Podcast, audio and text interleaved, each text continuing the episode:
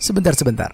Sebelum kamu mendengarkan episode kali ini, buat kamu yang ingin membuat podcast seperti saya, maka Anchor adalah cara termudah untuk membuat atau mempunyai podcast. Kenapa? Karena di dalam aplikasi Anchor terdapat fitur-fitur yang memudahkan kamu untuk membuat podcast. Anchor juga bisa membantu untuk mendistribusikan podcast kamu secara luas, seperti Spotify dan platform podcast lainnya. Langsung saja download aplikasi Anchor A N C H O R di App Store dan Play Store.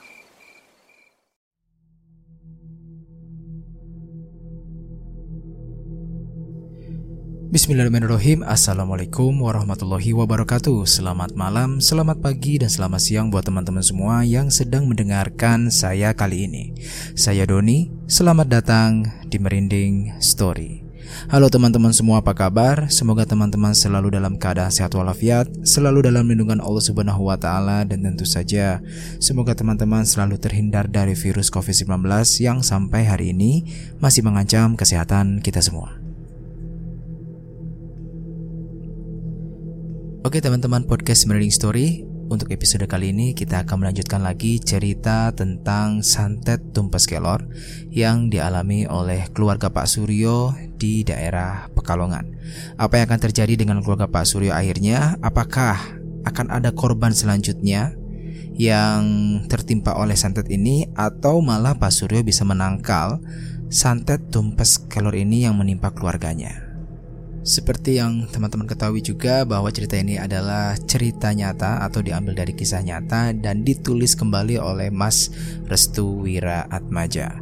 Nah, buat teman-teman yang ingin membaca cerita ini dalam bentuk tulisan, silakan teman-teman bisa mengunjungi Twitter Mas Wira di uh, link yang sudah saya sediakan di kolom deskripsi atau teman-teman juga bisa membaca karya-karya Mas Wira di Karya Karsa. Nah, di Karya Karsa ini karya Mas Wira ini jauh lebih lengkap dan tentu saja update ya karena Mas Wira juga sekarang sedang menulis menulis um, cerita yang sangat-sangat menarik dan itu Mas Wira selalu update di karya Karsa. Jadi intinya sebelum orang lain mengetahui cerita terupdate pastikan kamu dulu nih yang tahu cerita uh, yang ditulis oleh Mas Wira pertama kali. Nah, di mana? Ya di Karya Karsa. Silakan teman-teman langsung aja kunjungi Karya Karsa dari Mas Restu Wira Atmaja untuk mengetahui cerita-cerita terupdate sebelum Mas Wira menguploadnya ke Twitter ya. Oke, langsung saja ya cek di kolom deskripsi.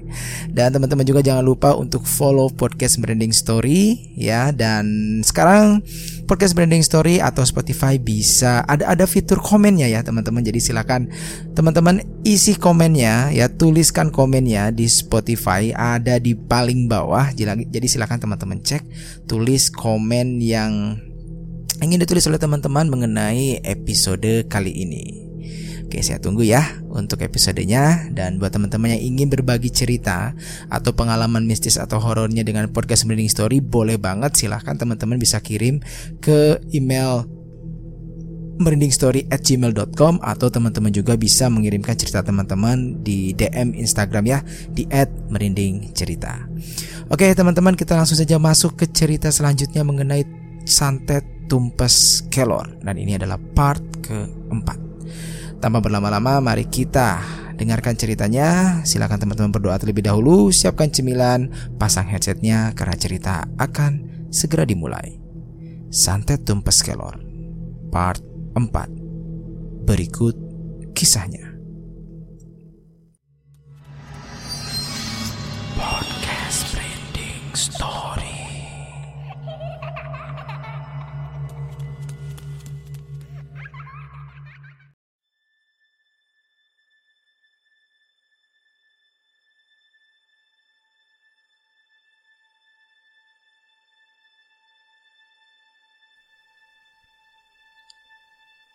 Kematian Atmojo dan Bu Marsinah masih menyisakan luka yang mendalam bagi keluarga Pak Suryo.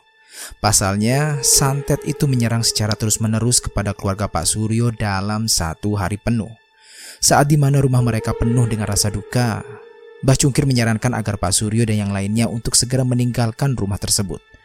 Hal ini dikarenakan bahwa santet itu masih berada di sekitaran rumah yang artinya seluruh ruangan yang berada di rumah Pak Suryo telah dipenuhi oleh santet tersebut. Terlebih lagi dengan kondisi rumah yang sudah menjadi target, maka bisa dipastikan serangan-serangan berikutnya akan terjadi. Hari kelima penyerangan santet. Sudah hari kelima semenjak penyerangan santet berlangsung. Kini keluarga Pak Suryo hanya tersisa tiga anggota keluarga saja, yaitu Pak Suryo, Karyo, dan Romo. Ketiganya masih mendiami rumah dan bingung apa yang harus dilakukannya. Pilihannya ada dua, menjual rumah yang sudah penuh dengan santet itu atau kabur dari rumah tersebut. Berbagai pilihan pun ditentukan kepada Karyo dan juga Romo. Karyo sendiri, ia memiliki sebuah pandangan bahwa dirinya akan kembali ke Surabaya untuk melanjutkan bisnis dengan sisa harta yang dimilikinya. Keinginan Karyo pun disetujui oleh Pak Suryo. Sedangkan Romo sendiri, dia belum memiliki pilihan. Dia masih belum tahu arah ke mana selanjutnya kakinya akan melangkah. Dengan dua kematian yang berada di hadapannya membuat hati Romo merasa trauma berat. Ia seperti tak lagi merasakan gairah untuk melanjutkan hidup kembali. Dia bahkan masih teringat dengan kematian kakaknya yaitu Atmojo. Kematian kakaknya mirip seperti apa yang dimimpikan baru-baru ini. Mas, Mas Karyo yakin mau pergi ke Surabaya lagi? Tanya Romo. Tidak ada pilihan lagi, Mo. Kematian ibu dan Mas Atmojo membuktikan bahwa kita memang harus keluar dari rumah ini jelas Karyo. Itu bukan jalan keluar, Mas. Kita gak akan bisa lari ke mana pun. Santet itu memang telah menargeti kita semua. Jelas Romo. Apa maksud kamu, Mo? Tanya Karyo. Karyo yang mendengar penjelasan Romo sedikit agak kesal. Tampaknya Romo mengetahui sesuatu di balik santet yang menyerang keluarganya. Kamu tadi bilang apa, Mo? Kamu pasti ada sesuatu yang disembunyikan tentang santet ini kan? Tanya Karyo. Mimpi itu mas Ucap Romo. Mimpi apa? Mimpi Mas Atmojo dan Mas Karyo. Aku bermimpi Mas Atmojo dan Mas Karyo datang dengan membawa tanda kematiannya masing-masing. Jelas Romo. Pak Suryo masih belum percaya mengenai apa yang dikatakan Romo mengenai tanda kematian yang akan terjadi kepada Karyo dan juga Atmojo. Katakan Mo, kamu mimpi apa? Tanya Pak Suryo. Romo pun menjelaskan bahwa dirinya bermimpi mengenai keadaan Atmojo dan juga Karyo ketika dirinya mendatangi rumah. Karyo mendatangi rumah dengan tubuh yang kurus kering dan penuh luka seperti koreng di sekujur tubuhnya. Sedangkan Atmojo dia mendatangi rumah dengan keadaan kulit wajah dan sekujur tubuh telah mengelupas seperti habis tersiram air panas yang mendidih. Hal ini dibenarkan karena kematian Atmojo sendiri yaitu dengan menyiramkan dirinya dengan menggunakan air panas yang mendidih. Mendengarkan penjelasan mimpi tersebut, Karyo malah tidak percaya. Ia tidak percaya bahwa mimpi mampu mewujudkan kenyataan. Ia bahkan berpikir bahwa Romo adalah biang dari kematian ibunya karena membiarkan Bu Marsina sendirian saat berada di dalam kamar sebelum kematiannya. Pak Suryo yang mendengar perdebatan di antara kedua anaknya langsung melerai keduanya. Ia tak ingin kedua anaknya terpecah belah hanya karena permasalahan santet ini. Jadi Romo, apa saran kamu? Tanya Pak Suryo. Jangan pergi ke Surabaya. Mbak Jungkir bilang kan, kalau santet itu akan mengikuti kita ke mana pun kita pergi. Jelas Romo. Tapi di saat di Magelang kita tidak terserang santet. Jelas Pak Suryo. Bapak ingat mengenai paku karat yang tiap hari menghilang? Ketika ibu sakit, paku itu menghilang dua. Itu artinya akan ada dua orang yang terkena serangan santet, yaitu ibu dan juga Mas Atmojo. Jelas Romo. Romo terus-menerus menerangkan bahwa santet ini tidak membutuhkan waktu, namun membutuhkan momen yang tepat. Karena waktu bisa berjalan sampai kapan pun, sedangkan momen hanya terjadi dalam satu waktu. Pak Suryo awalnya yakin mendengarkan penjelasan dari Romo. Ia kemudian menyimpulkan satu persatu terkait permasalahan yang ada dan memang benar.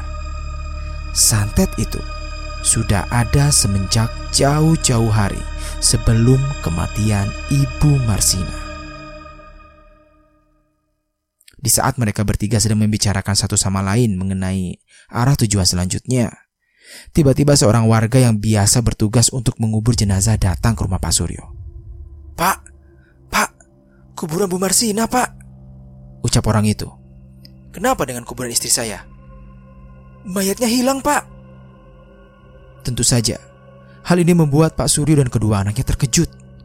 Mereka bertiga langsung diarahkan oleh warga itu untuk menuju ke pemakaman. Saat tiba di pemakaman, sesuatu yang tidak terduga benar-benar terjadi. Makam Bu Marsina telah dihancurkan. Mayatnya sudah hilang tak berbekas dan yang anehnya, tidak ada bekas satupun jejak kaki yang meninggalkan makam Bu Marsina. Pak Suryo semakin khawatir. Ia khawatir jika santet itu masih terus berjalan dan kini yang akan dijadikan medianya adalah mayat dari istrinya sendiri, yaitu Ibu Marsina. Hanya saja, di dalam lubang makam Bu Marsina terdapat sebuah benda yang dibungkus menggunakan kain putih kemerahan mirip seperti kiriman yang sering menyerang kepada keluarga Pak Suryo. Pak Suryo pun langsung turun ke bawah liang lahat dan mengambil bungkusan itu sambil menutup hidungnya dengan satu tangan. Romo yang melihat bungkusan itu seperti tahu akan apa yang terjadi selanjutnya. Pak, jangan dibuka pak, ucap Romo. Kenapa? Tanya Pak Suryo.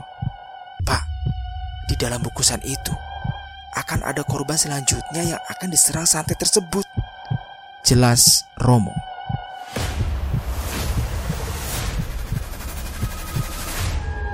Pak Suryo pun masih teringat dengan perkataan Romo mengenai tanda dari kematian korban selanjutnya, yaitu ditentukan dari jumlah paku karat. Terhitung keluarga Pak Suryo ada lima, yaitu Pak Suryo, Bu Marsina, Atmojo, Karyo, dan juga Romo. Beberapa hari lalu, Romo menemukan bukusan ini namun dengan jumlah tiga paku karat. Itu artinya, dua dari anggota keluarga Pak Suryo akan meninggal dunia. Dan dibuktikan dengan tanda itu, Bu Marsina dan juga Atmojo telah meninggal terlebih dahulu. Karyo yang penasaran dengan bungkusan itu ia pun langsung mengambil bungkusan itu dan membukanya tepat di depan Pak Suryo dan juga Romo. Setelah dibuka, ternyata isinya masih sama, yaitu bangkai tikus. Namun, jumlah paku karatnya makin berkurang. Jumlah paku karat di bungkusan itu adalah hanya satu paku. Itu artinya dua dari tiga anggota Pak Suryo akan menjadi korban selanjutnya. Bisa saja itu Pak Suryo sendiri, Karyo, ataupun Romo. Karyo pun langsung membuang bungkusan itu dengan menahan rasa muak karena bau bangkai tikus yang sudah membusuk tersebut.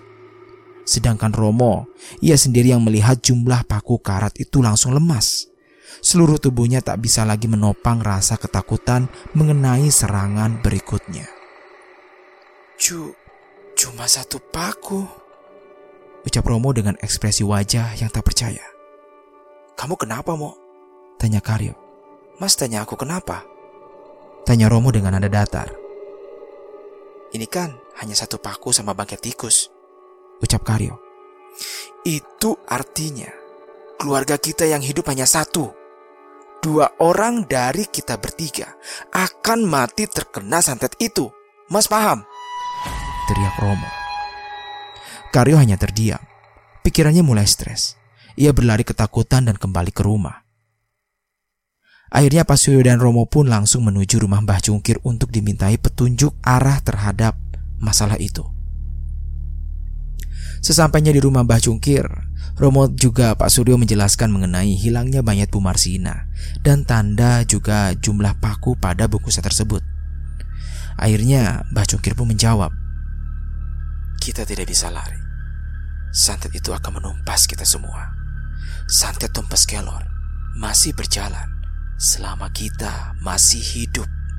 Dengan kata lain, Bacungkir sudah kehabisan akal. Bagaimana caranya agar santet ini bisa dihentikan? Karena santet ini termasuk tingkat tinggi, kemungkinan santet ini akan berhenti jika targetnya benar-benar terbunuh semua. Peristiwa hilangnya mayat Bu Marsina menggemparkan warga sekitar. Para warga merasa ketakutan karena dari kematian keluarga Pak Suryo sendiri, semuanya tidak ada yang bisa diterima oleh akal. Dengan kata lain, kematian keluarga Pak Suryo adalah karena santet. Saat tiba di rumah, Pak Suryo dan Romo tengah melihat Karyo sedang bersiap-siap. Karyo berencana untuk meninggalkan Pekalongan dan akan kembali menuju Surabaya. Dia akan kembali meniti karirnya dengan sisa-sisa harta yang dimilikinya serta bantuan dari Pak Suryo. Keinginan Karyo untuk meninggalkan Pekalongan pun sempat dilarang oleh Romo. Pasalnya, Romo belum bisa menemukan jalan keluar dalam menghadapi santet ini. Namun, Karyo tidak peduli dengan apa yang dikatakan oleh Romo kepadanya. Karyo tetap bersikukuh untuk meninggalkan Pekalongan demi menghidupi dirinya dan juga bisa kabur dari serangan santet itu. Akhirnya mereka pun berangkat di sore hari untuk menuju ke Surabaya. Sebelum berangkat, Pak Suryo memeriksa seluruh bagian mobil agar perjalanan nanti menuju ke Surabaya dalam keadaan aman dan baik-baik saja. Tidak lupa pula, ia berpamitan kepada Mbah Cungkir untuk mengantarkan Karyo hingga ke Surabaya. Saat Pak Suryo berpamitan ke Mbah Cungkir, Mbah Cungkir hanya terdiam. Ia hanya menupuk pundak Pak Suryo sambil mengatakan, Ingat, santet itu bisa menyerang siapa saja, kapan saja, dan di mana saja, kecuali kepada orang yang terjaga zikirnya. Santet itu tidak bisa menyerang mereka. Jelas Mbah Cungkir. Pak Suryo hanya tersenyum dan kembali berpamitan untuk kedua kalinya. Mbah Cungkir mulai merasakan gelagat aneh dari Pak Suryo. Gelagatnya seperti menandakan perpisahan terakhir terhadap diri Pak Suryo. Sesampainya di rumah lagi, Pak Suryo segera menjalankan mesin mobilnya. Dia kembali mengecek satu persatu keadaan mobil untuk kedua kalinya. Pak Suryo melakukan itu agar perjalanan menuju Surabaya menjadi aman. Karena dirasa seluruh bagian mobil telah aman, akhirnya mereka pun berangkat menuju Surabaya. Pak Suryo menyetir mobil, Karyo juga menempati kursi bagian depan. Sedangkan Romo, ia berada di kursi bagian belakang. Awal perjalanan masih lancar. Namun, ketika dirinya berada di sebuah jalan yang sangat terkenal di daerah Batang, Jawa Tengah, Pak Suryo melihat ada sosok bayangan putih yang melintas ke jalanan secara tiba-tiba. Pak Suryo pun kaget melihat itu. Ia sempat menghindar dan mengerem mobil secara mendadak. Namun, rem mobil miliknya tiba-tiba blong. Alhasil, Pak Suryo pun langsung membanting setir mobilnya ke arah kanan jalan hingga mobil itu menabrak pembatas jalan. Mobil itu terseret beberapa meter ke depan jalan hingga bagian depannya rusak parah. Dan akhirnya, Pak Suryo meninggal di tempat dengan luka dan kondisi fisik yang sudah hancur berantakan. Berbeda dengan Karyo dan Romo, Karyo mengalami luka berat di sekujur tubuh. Sedangkan Romo, ia hanya terluka di beberapa bagian seperti kepala dan tangannya. Karyo dan Romo pun dibawa ke rumah sakit Batang dan akhirnya dirawat di sana. Mendengar kabar kecelakaan ini, adik dari Pak Suryo yang bernama Bu Sumina akhirnya mengunjungi Karyo dan Romo ke rumah sakit Batang, Jawa Tengah. Bu Sumina ini merupakan adik kandung dari Pak Suryo, yang mana ia adalah nenek dari Mas Wira. Ya, Mas Wira penulis dari cerita ini. Bu Sumina juga sempat melihat kondisi fisik Pak Suryo yang sudah tidak lagi utuh seperti semula. Mengenai keadaan Karyo, dia masih tidak sadarkan diri. Sedangkan Romo, dia sudah siuman, hanya saja di bagian kepalanya masih ada luka jahitan. Kematian Pak Suryo membuat Romo kembali bersedih ia tidak membayangkan bahwa santet itu habis menyerang keluarganya dan menyisakan dirinya dan juga Karyo, kakaknya. Pak Suryo dimakamkan di dekat tempat tinggalnya bersama dengan Atmojo dan juga Bu Marsina. Akan tetapi, beberapa hari setelah itu, Karyo dikabarkan meninggal dunia karena luka di sekujur tubuh yang makin parah. Tubuh Karyo menjadi kurus kering dan luka yang ada di sekujur Karyo seperti membusuk hingga mengeluarkan bau tidak sedap. Hal ini mirip seperti apa yang dimimpikan oleh Romo mengenai kematian Karyo yang penuh akan luka di sekujur tubuhnya. Karyo pun dimakamkan bersama Pak Suryo, Atmojo, dan Bu Marsina. Satu minggu setelah penyerangan santet. Romo sudah diperbolehkan untuk pulang. Ia tidak kembali ke rumahnya karena khawatir akan ada serangan santet berikutnya. Ia pun menginap di rumah Bu Suminah untuk menyehatkan keadaan dan fisik mentalnya. Di rumah Bu Sumina, Romo sering kali melamun karena masih belum bisa menerima akan kematian seluruh keluarganya secara cepat. Melihat keadaan seperti ini, Bu Suminah meminta kepada Romo untuk menunjukkan siapa orang yang mampu untuk mengetahui pelaku dari penyerangan santet tersebut. Romo pun menjawab, kalau di dekat rumahnya ada orang pintar yang bernama Mbah Cungkir. Dia sudah dianggap seperti keluarganya sendiri. Akhirnya, Bu Sumina pun menuju ke rumah Mbah Cungkir untuk mencari tahu siapa pelaku dari penyerangan santet tersebut. Saat Bu Sumina dan Romo menuju tempat Mbah Cungkir, ternyata sudah banyak warga yang telah menantikan kehadiran Romo. Mereka yang mengetahui kedatangan Romo langsung berbondong-bondong memeluk Romo sembari mendoakan keselamatan untuknya. Romo merasa terharu melihat para warga yang telah berperan penting untuk menyembuhkan luka mentalnya. Ia juga tidak menyangka kalau kedatangannya sudah dinanti-nantikan oleh para warga. Setelah bertemu dengan para warga, Romo dan Bu Suminah menuju ke rumah Mbah Cungkir. Saat tiba di rumah Mbah Cungkir, Romo mengetuk pintu dengan perasaan sedih. Ia masih mengingat jika Romo adalah orang yang akan selamat dari penyerangan santet seperti apa yang pernah dikatakan oleh Mbah Cungkir itu sendiri. Mbah, ini aku Romo, Mbah. Ucap Romo. Saat mendengar suara Romo, Mbah Cungkir langsung membuka pintu dan terkejut melihat seorang pria dengan beberapa luka di bagian kepalanya sudah berdiri sambil menangis. Mbah, ini Romo, Mbah. Romo, kamu selamat. Romo langsung memeluk Mbah Cungkir. Karena dia merasa tidak memiliki siapa pun lagi. Kedua orang tuanya sudah meninggal dunia. Begitu juga dengan kedua kakaknya, yaitu Atmojo dan Karyo. Bu Sumina hanya tersenyum melihat momen yang menyedihkan itu. Ia tidak bisa membayangkan betapa beratnya seorang anak ditinggalkan kedua orang tuanya dalam waktu yang dekat.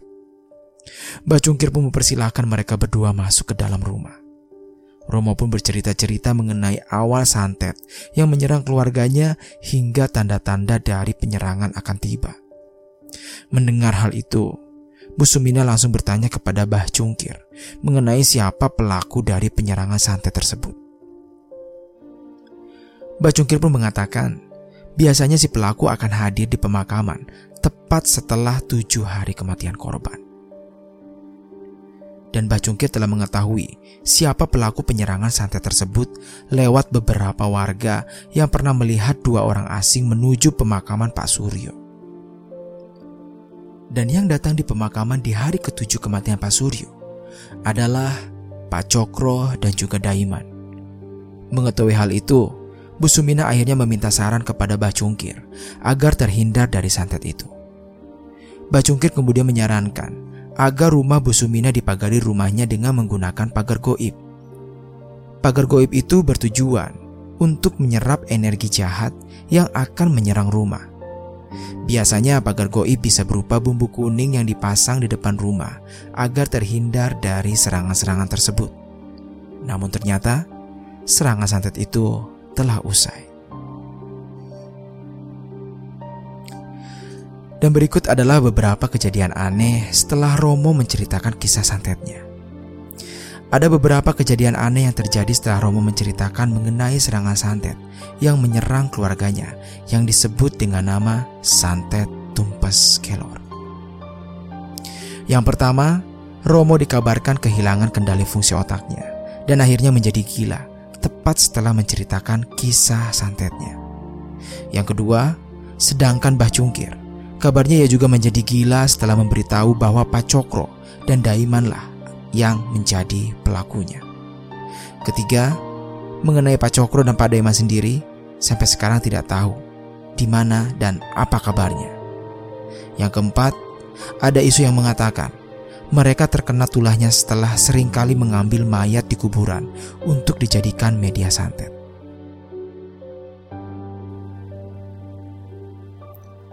Dan berikut adalah keterangan mengenai Pak Cokro, Daiman, Romo, Bah Cungkir, dan Busumina. Pak Cokro meninggal dunia tahun 1990, tepat 10 tahun santet itu berlangsung. Sedangkan Daiman Orang yang melakukan santet tersebut dikabarkan hilang setelah kematian Pak Cokro. Mengenai Mbah Cungkir, pada tahun 2005 ia meninggal dunia karena sakit. Sedangkan Bu Sumina, orang yang merawat Romo, ia meninggal di tahun 2015 dan Bu Suminah ini sendiri merupakan nenek kandung dari penulis cerita ini, yaitu Mas Wira. Lain hal dengan Romo, ia sampai sekarang masih hidup namun dalam keadaan gila dan sepuh. Teruntuk lokasi tempatnya tidak diberitahu karena untuk menjaga privasi keluarga. Dan kisah ini adalah kisah nyata dari keluarga Mas Restu atau Mas Wira yang merupakan kisah santet paling kelam yang pernah ditulisnya.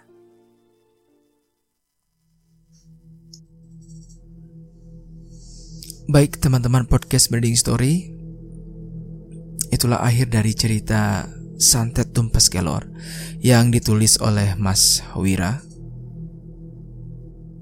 Dan ternyata Mas Wira ini adalah masih kerabat, masih keluarga dari Pak Suryo, Bu Marsina, Atmojo, Karyo, dan juga Romo.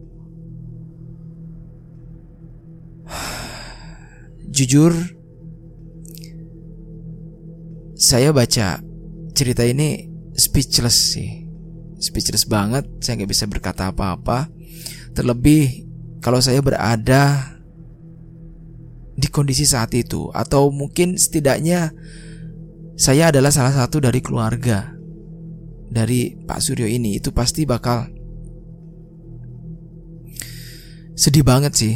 Bakal sedih banget yang mana ya kita ketahui bahwa keluarga kita sendiri menjadi korban santet orang yang hanya iri dengan kesuksesan orang lain gitu. Dan ya banyak sekali cerita yang bisa banyak sekali hikmah yang bisa kita ambil dari cerita ini. Cerita yang ditulis oleh Mas Wira. Intinya ya semoga kita selalu terhindar dari segala mara bahaya apa pun itu, mau santet ataupun itu, semoga kita selalu terhindar dari semua yang membahayakan diri kita dan juga keluarga kita. Semoga kita terhindar semuanya dari hal-hal tersebut ya. Dan kita doakan juga buat almarhum dan juga almarhumah dari keluarga Mas Wira yang menjadi korban santet tumpas kalor ini. Semoga iman Islamnya diterima oleh Allah Subhanahu wa taala, dilapangkan kuburnya dan semoga ditempatkan di sisi yang terbaik di sisinya. Amin, amin ya robbal alamin. Oke, baik teman-teman podcast Merinding Story, mungkin untuk episode kali ini saya cukupkan sekian. Terima kasih sudah mendengarkan uh, podcast Merinding Story dari awal sampai akhir. Mohon maaf kalau ada kata-kata atau perkataan yang kurang berkenan di hati teman-teman semua. Dan saya akhiri untuk podcast kali ini dengan Bila taufik wal hidayah. Wassalamualaikum warahmatullahi wabarakatuh. Akhir kata, salam merinding. Podcast.